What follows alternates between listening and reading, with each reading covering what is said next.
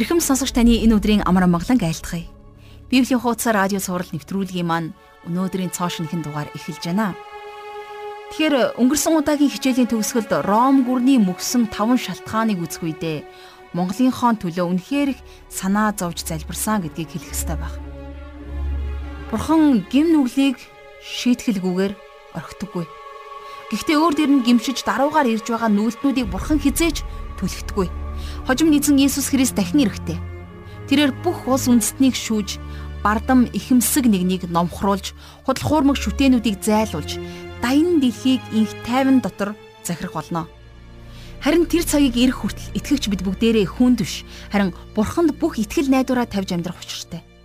Итгэл үнэмшлэн улс гүрнээ гэр орноо авч явахад нөлөөлөхөө болох үед мөхт юм байна. Хичээлийн өргөжлөлөн сонсоод ивэлих аваарай гэж би таныг урамшуулж байна. Хичээлийн эхэнд энэ цагийг бурханд өргөж хамтдаа залбирцгаая. Бурхан Аава, таньда энэ цагийн төлөө талархал магтаалыг өргөн залбирч байна. Энэ өдөр бид таны үгийг судалж, таныг улам илүүгээр таньж мэдхийг хүсэж байна.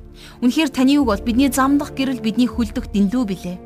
Та тэрхүү гэрэл болсон үгээ бидэнд өгч, бидний амьдралын замыг гэрэлтүүлж өгөөч. Итгэгч бид итгэлийн амьдралдаа хэрхэн амьдарч, хэрхэн Бурхны хүслийн дагуу алхах ёстойг та өөрийнхөө үг иш үзүүлгээр дамжуулан бидэнд ойлгуулж өгөөрэй. Таны үгийг улам илүүгээр ойлгохын тулд ариун сүнсээрээ энэ цагийг удирдаарай. Тань талархан эзэн Есүсийн нэрээр залбирanгуйлаа. Амен. Ингээд хамтдаа жаргал агшиг хичээлд анхаарлаа хандуулцгаая.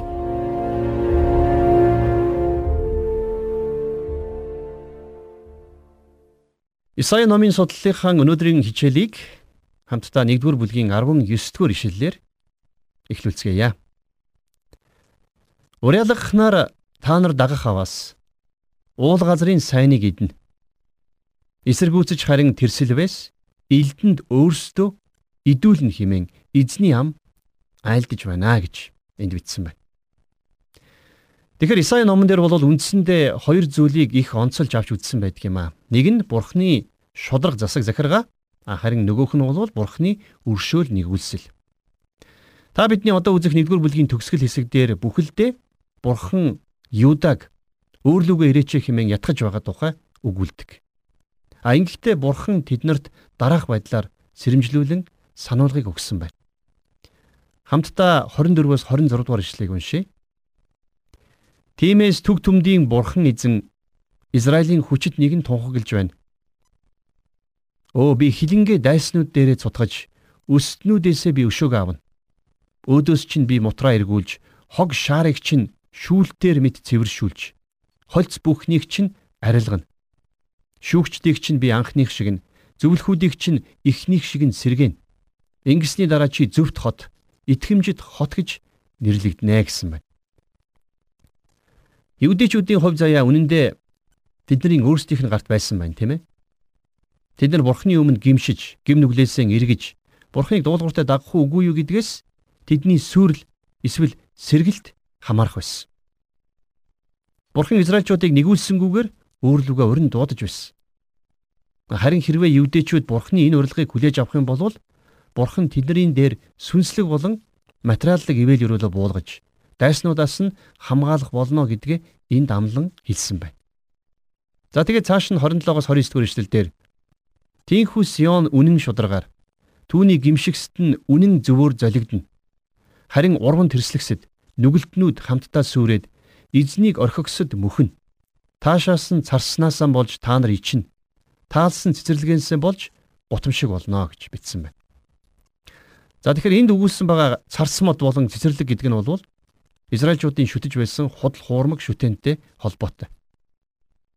Тухайн үед бол өндөр ургасан том модыг шүтэх эсвэл тэр модны доор хуурамч шүтэнүүдэд тахил өргөх зан үйл газар авсан байсан. За өнөөдөр ч гэсэн бас Монголд сондгоо ганц модноос хадаг уях.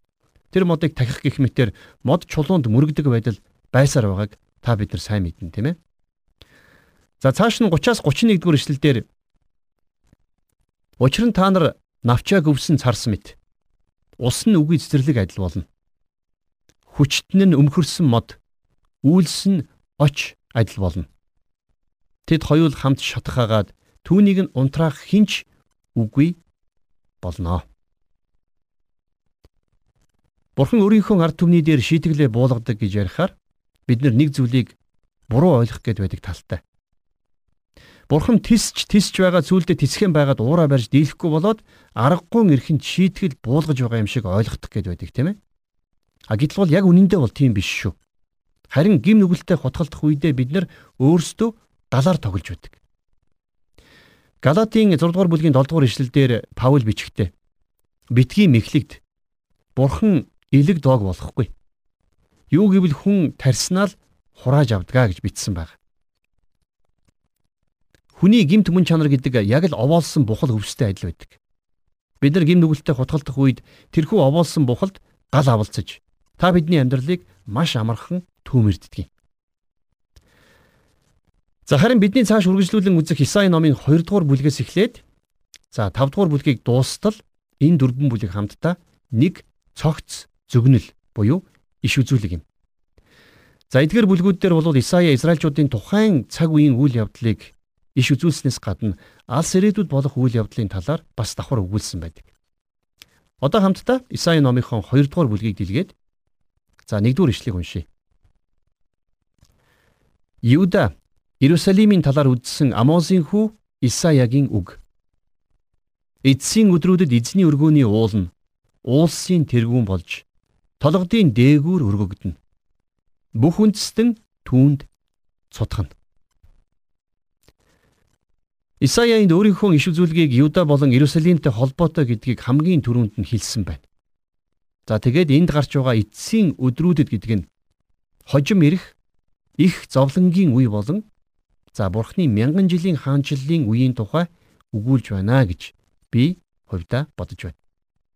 Есүс Христ энэ дэлхий дээр дахин ирэх тэр үед их зовлонгийн үе дуусч Есүс Христийн мянган жилийн хаанчлал эхлэх болно. Хуучин гэрэн дээрх уул гэсэн үг болвол өөрөөр хаанчлал, эрх мэдэл, засаг захиргаа гэсэн утгаар бас ордог. Өөрөөр хэлэх юм бол бурхан тэр үед өөрийнхөө хаанчлалыг бүх хаанчлалын дээгүр үргэлжлэн тавих болно гэсэн үг. За мөн яг энэ тухай яг энэ сэдвээр тийм ээ иш үзүүлэгч Даниэл хэлэхдээ. За Даниэлийн 2-ын 35 дугаар ишлэлдэр тэгээд төмөр, шавар, хүрэл, мөнгө алт нь бүгд нэгэн зэрэг бутарч зун тэрэмдсэн тарианы хальс мэт болжээ. Салхи түүнийг нь хийсгэж ор мөргүй алга болгов. Харин тэр баримлыг бут цогсон чулуун асар том уул болоод бүх дэлхийг дүүргэжээ гэж Даниил өөрийнхөө үдсэн үзэгдлийг бичсэн байдаг. Үнэхээр Есүс Христ дахин ирэхэд Бурхны хаанчлал бүх хаанчлалуудын дээр өндөрт өргөмжлөгдөх болно. За 2 дугаар бүлгийн 3 дугаар ишлэл дээр Олон ард түмэн ирээд ирцгээ. Эзний уул Яаковын бурхны өргөө рүү явцгаая. Тинхүү тэрээр бидэнд замаан зааж бид жимээр нь алхах юмаа гэцгэн. Учир нь хууль Сионоос гарч эзний үг Иерусалимаас гарна гэсэн баг. За тэр цаг шашны болон улс төрийн бүх удирдлага Иерусалимд буюу Бурхны хаанчлалын төв байх тэр газарт төвлөрөх болно гэдгийг энд хэлсэн байна тийм ээ. Харин Давидын хаан ширээнд эзэн Есүс Христ залрах болно. Харин энэ дэлхийн ард түмэн Бурхны хүсэл түүний хуулийг дагаж амьдрах ёстой болно гэсэн утга санааг илэрхийлсэн байна. За дөрөвдүгээр ишлэлдэр үндэснүүдийн хоорондохыг тэр шүүж олон ард түмэнд шийдвэр гаргах болно. Тэд илдээ анжсны хушуу жада хадуур болгон давтна. Үндэстэн үндэснийхээ эсрэг илд далайхгүй. Дахин хизээч тэд дайтахад суралцахгүй. За энд Есүс Христийн энэ дэлхий дээрх мянган жилийн хаанчлал бол хүн төрлөختний хувьд нэгэн төрлийн шалгуур байх болно гэсэн утга санаа гарч байна. За тэр цаг үед маш олон хүмүүс шүүгдэж бас маш олон хүмүүс аврагт болно. Тэд илдээ анжсны хушуу жада хадуур болгон давтна үндэстэн үндэснийхээ эсрэг илд далайхгүй гэж энд хэлсэн байна. Есүс Христийн энэ дэлхий дээрх мянган жилийн хаанчлал бол зөв шудраг хаанчлал байх болно. Улс үндэстнүүд өөр хоорондоо шудраг зөвөр харилцах тэр үүд хаалгыг Есүс нээж өгнө. Тэр цагт түүхэнд анх удаага бүх улс үндэстнүүд ив найрамдалтайгаар амьдрах болно. За мянган жилийн хаанчлалын тэр цаг үед л хүмүүс илдээ анжсны хушуу жада хадуур болгон давтах болно. Харин зүнч Йовелийн бичсэн номны 3 дугаар бүлгийн 10 дугаар ишлэлдээс харах юм бол эсэргээрээ их зовлонгийн үед болвол хүмүүс анжсан илд хадуура жад болгон давтах болно гэж хэлсэн байдаг. Харин Исая дээрх энэ иш үзүүлэг мянган жилийн хаанчлалын үед биелэлээ олох болно. Тэр цагт бид нэр үүд хаалга төгжихгүй байх боломжтой. Тэр цагт бид нэр орой үдэж гудамжаар айдас төгшүүргүүгээр алхах боломжтой. Тэр цагт ямар ч дайн тулаан байхгүй. Дэлхийн улс гүрнүүд зэр зэвсгэр хөөцөлдөх хэрэггүй болно. Энэ дэлхий дээр байгуулагдах бурхны хаанчлал төгс инх дайван дотор оршин тогтнох болно. Яагад гэхлээр Есүс Христ бол өөрөө инхийн жонон шүү дээ. Харин тэр цагийг хүртэл энэ дэлхий дээр бүрэн инх тайван тогтнох ямар ч боломж байхгүй. Аль нэг улс үндэстэн эсвэл аль нэгэн олон улсын байгууллага энэ дэлхий дээр бүрэн инх тайвныг тогтооно гэдэг бүтшгүй зүйл. Нэгдсэн үндэсний байгууллага НАТО өөр ямар ч олон улсын байгууллага энэ дэлхий дээр инх тайвныг тогтоож чадаагүй бас чадахгүй байна шүү дээ. Чадахгүй гэдгийг ч бид өнөөдөр хангалттай харж байна. Харин жисрэгээрээ дэлхийд даяар тэмцэл зөрчилдөөн нэмэгдсээр байна. Тэм учраас бид нар нэг зүйлийг ойлгох ёстой. Хүмүүс өөрсдөө энэ дэлхий дээр ямар нэгэн байдлаар дэлхийн нийтийн инх тайвныг тогтоох боломжгүй гэдгийг. Хүний зүрх сэтгэлд гим нүгэл байгаа цагт бид нар бие биенээ захирах гэсэн дээрэнгүй хүсэл бидний дотор байсаар байх болно. Харин Есүс Христ дахин ирэх тэр цагт л энэ дэлхийд жинхэнэ төгс амар тайван инх амгалан тогтох болно. 5 дугаар ишлэл. Яаковын гэрээ эрцгээ. Эзний гэрэлд цөмөрөө алхацгаая. За. Тэгэхээр Есүс Христ дахин ирэх тэр өдөр бид нар бүгдээрээ эзний гэрэлд алхах болно. Энэ бол амар тайванд хүргэх цорын ганц арга зам. Харин Бурхны гэрэл Бурхны оролцоо байхгүй бол хүмүүс бид нар эв нэгдэлтэй амар амгалан амьдрах боломжгүй юм. 6-аас 9 дугаар ишлэлдэр үргэлжлүүлээд чи зам мөрөө алджээ өө Яаковын гэрээ. Үнэхээр тэд филистчүүд шиг дорны мэрэгчд төлөгчдөөр дүүрч гадныхантай гар барилцаж байна. Тэдний нутаг мөн алт мөнгөөр бялхаж Эрдэнсийн санд нь эцэс төгсгөл гэж алга. Нутаг нь мордоор дүүрч тэрэгнүүдэд нь эцэс төгсгөл гэж алга. Тэдний нутаг мөн шүтэнүүдээр дүүрэн тэд гарынхаа бүтээлд хуруугаараа хийсэн юмдаа мөргөцгөөдөг. Тиймээс хүн номогдохогдож хүн басамжлагдсан ч гэсэн тэднийг битгий уучлаг. За тэгэхээр тухайн үед бол евдээчүүд эргэн тойрныхоо улс үндэстнүүдийн шашин шүтлгийг дагаж эхэлсэн байсан. Ассир Вавилоны замаар замнаж тэднийг бүх талаараа даган дуурайж байсан. За улмаар евдээчүүд Ассир болон Вавилончуудын шүтэн мөрөгдөг хуурамч шүтэнүүдийг дагаж бүтээгч бурхандаа мөргөхийн оронд бүтээлүүдэд нь хүндэтгэл мөрөглийг өргөх болсон тухай дээр өгүүлж байна.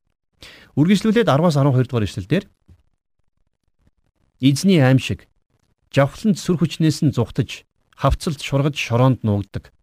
Харин тэр өдөр хүний бардам харц басамжлагдж хүний ихэмсэг зан номогдогдож эзэн ганцаараа өргөмжлөгдөнө бардам ба ихэмсэг өргөгдсөн хүн бүрийг басамжлах өдөр түг түмдийн эзэнд бий гэсэн байна. За ингээд цаг нь ирэхэд э, бурхан хүмүүсийн бардамлыг үгүй хийх болно гэж хэлж байна тийм ээ. Хүмүүс бид нар өнөөдөр өөрсдийгөө энэ дэлхийг захирч бурхангүйгээр улс гүрнээ удирдах чаднаа гэж бардамдаг. А гэхдээ тийм биш болохыг бурхан баталж хүмүүсийн бардамлыг үгүй болгож харин гагцхүү бурхны нэр ганцаараа өргөмжлөгдөх болно гэдгийг дээр хэлсэн байна. 13 дугаар эшлэлдэр энэ нь Ливаны ихэмсэг өргөгдсөн бүх хуш, Башааны бүх царс, бүх ихэмсэг уул байдгаараа өргөмжлөгдсөн хамаг толгод, альва өндөр цамхаг, альва бэхлэгдсэн хэрэм, таршишийн бүх усан онгоц, бүх үзэгсэлэнд гар урлалын эсрэг байх юмаа гэж. За Ливаны хуш, Башааны царс гэдэг нь хүмүүсийн бардам занг зөөрлүүлэн илэрхийлсэн байна. За дээрэс нь ихэмсэг уул байдгаараа өргөмжлөгдсөн толгод гиснээрээ энэ дэлхийн улс гүрнүүд тэдгээрийн засаг захиргааг хилж байна. За дараагаар нь өндөр цамхаг альва бэхлэгдсэн хэрэм гиснээрээ энэ дэлхийн улс орнуудын цэрэг зэвсгийн хүчийг илэрхийлсэн байна. Тэгэхээр бурхан энэ дэлхийн худалдаа 8 соёл урлагийн ертөнцийг хүртэл шүүх болно гэдгийг л энд хэлж байна. 17-оос 18 дугаар ишлэлдэр Тэр өдөр хүний бардамл нь номогдогдож Хүмүүсийн ихэмсэг зан нь басамжлагдахад эзэн ганцаараа өргөмжлөгдөнө. Шүтэнүүд оргүй алга болноо. Бурхан зөвхөн хүмүүсийн бардамналыг ор мөргүй номогдохоо зогсохгүй. Тэдний худал хуурмаг шүтэнүүдийг ч гэсэн ор мөргүй зайлуулах болно гэдгийг энд тодорхой хэлсэн байна.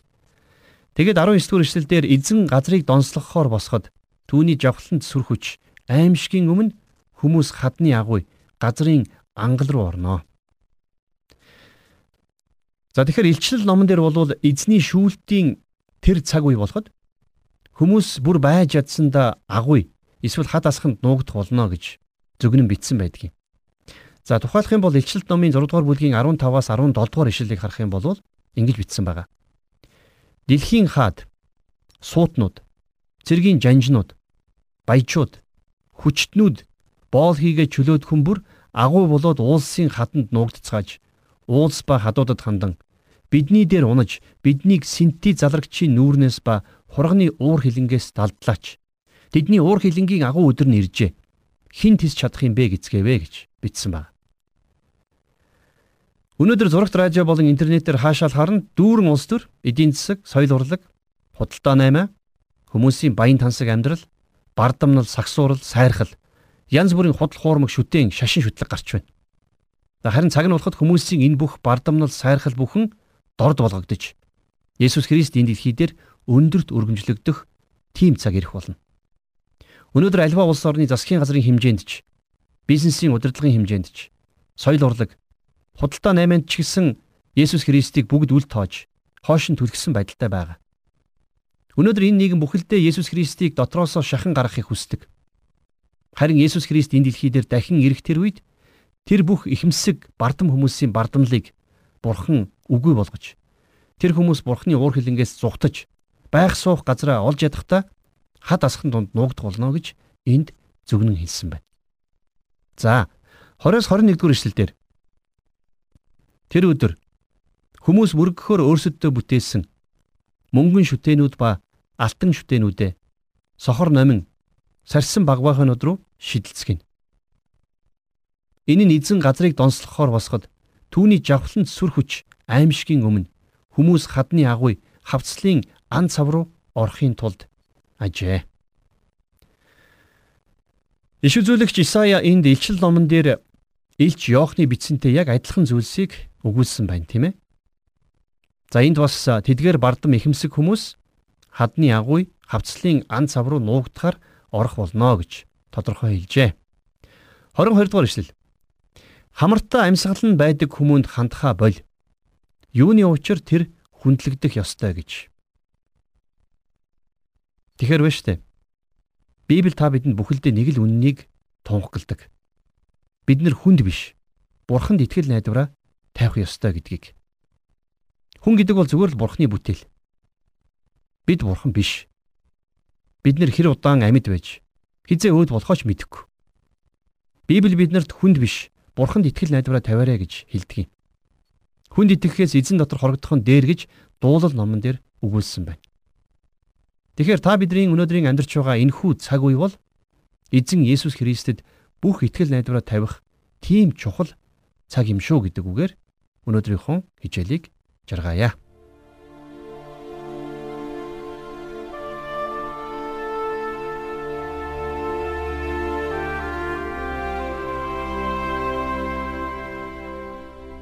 Тэгэхээр өнөөдөр ч гэсэн бид хамтдаа нэгэн гайхамшигтай хичээлийг үзэж судаллаа.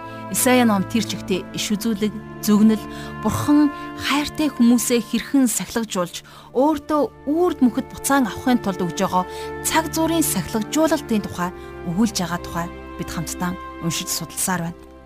Өнөөдөр бид хамтдаа Исая номын 1-р бүлгийн 19-оос 2-р бүлгийн 22-р ишлэлийг дуустал уншиж судаллаа. Тэгэхээр өнөөдөр Христэд аль хэдийнэ итгэсэн хүмүүст маш чухал үг байсан гэж бодож байна. Итгэлээсээ болж хаасайгүй хавчигдж гадуурхагдж байгаа олон итгэгч байна. Яг тэр Библийн дагуу ариун амьдрах гэвэл үл итгэгчийн олон ёс бус зүйл илэрдэг. Итгэгчд бас заримдаа гэрэл болж чадахгүй байдаг нь заримдаа үнд нөлөөлдөг баг. Өнөөдөр альва улс орны засгийн газрын хэмжээнд ч тэр бизнесийн орчинд ч тэр мөн удирдлагын хэмжээнд соёл урлаг, худалдаа наймааны хэмжээнд Есүс Христийг бүгд үл тоож хоошин түлхсэн байдал газар авч байна. Өнөөдөр энэ нийгэм бүхэлдээ Иесус Христийг дотроосоо шахан гаргахыг хүсдэг. Гэлээч гисэн сонсогч та Бурхан эзэнд итгэдэгч вэ? Итгэдэггүйч вэ? Зөв итгэл үнэмшил нийгмээс бүр бүр мөсөн шахагдан гарвал юу үлдэх вэ гэж бодох хэрэгтэй. Тэгэд Христийг шахан гаргасан нийгэмд үр хүүхдээ үлдээн гэвэл үнэхээр хэцүү ах болно. Ийм нэгэн бодлоор өнөөдрийн хичээл маань өндөрлөж байна. Бид дараа дараагийн хичээлүүдээр үргэлжлүүлэн Бурхны үг, түүний сахилгажуулт, түүний сануулга, зөвгөнлийг хамтдаа үзэж судлах болно. Зөвхөн 2000 жилийн өмнө бичигдсэн Исаи ном тухайн үедээ л иш үзүүлэх төдий байгаад өнгөрсөн биш. Өнөөдөр 21-р зуунд ч гэсэн эзний сахилгажуулалт, эзний сануулга, түүний нүмер нөлөг хайр халамж мөн түүний ирээдүйд үлдэх зөвгөнлийн үг хിവэр байгаа үлээ. Хамтдаа имэнгийн зүрхсэтгэлээр залбирцгаая. Бурхан Аава таньдаа өнөөдрийн хичээлийн төлөө талархал өргөн залбирч байна. Та бидэнд энэ цагт өөрийнхөө үгийг өгч бидэнд өөрийнхөө үннийг илчилж өгсөн учраас таньдаа талархал магтаалыг өргөж байна. Эзэн Иесус дахин ирж дэлхийн бүх улс үндэстнийг шударгаар шүүж, бардам ихэмсэг нэгнийг номогдох тэр цагийн хүртэл бид таньдаа итгэж, танаас зурж, таны хүслийн дагуу амьдрахад та бидэнд туслаарай. Бид хүнд биш, харин эзэн бурхан танд найдаж амьдрдаг хүмүүс байхыг хүсэмжлэн залбирч байна. Та биднийг бүх итгэл найдвараа эзэн Есүст тавьдаг тийм л хүмүүс болгон өөрчлөн шинжилээч. Эзэн бид яг энэ цаг мөчид ус гүрэн эдийн засгийн бүхий л орчин нөхцөлийг биднийг соён гэгэрүүлдэг гэдэг соёл, урлаг, спорт гэд бүхий л талбаруудыг таны нэрээр үнэхээр юрөөн ажиллаач гэж гуйж байна. Мөнхийн эзэн минь ёс бус байдлаас та биднийг болон бидний үр удмыг сахин хамгаалж өгөөрэй. Эзэн бурхан минь итгэл үнэмшилгүй нийгэмд үр удмаа үлдээн гэдэг үнэхээр хүнд хэцүү зүйл байх болно. Тиймээс эзэн энэ бүхий сүнслэг хараалуудаас энэ сүнслэг бүхий гачаалуудаас та миний Монголыг ивэж юрөөж хамгаалж өгөөрэй бүхий л зүйлсийг таны мотор төргөж эзэн Иесусийн нэрээр залбирanгуйж байна. Амен.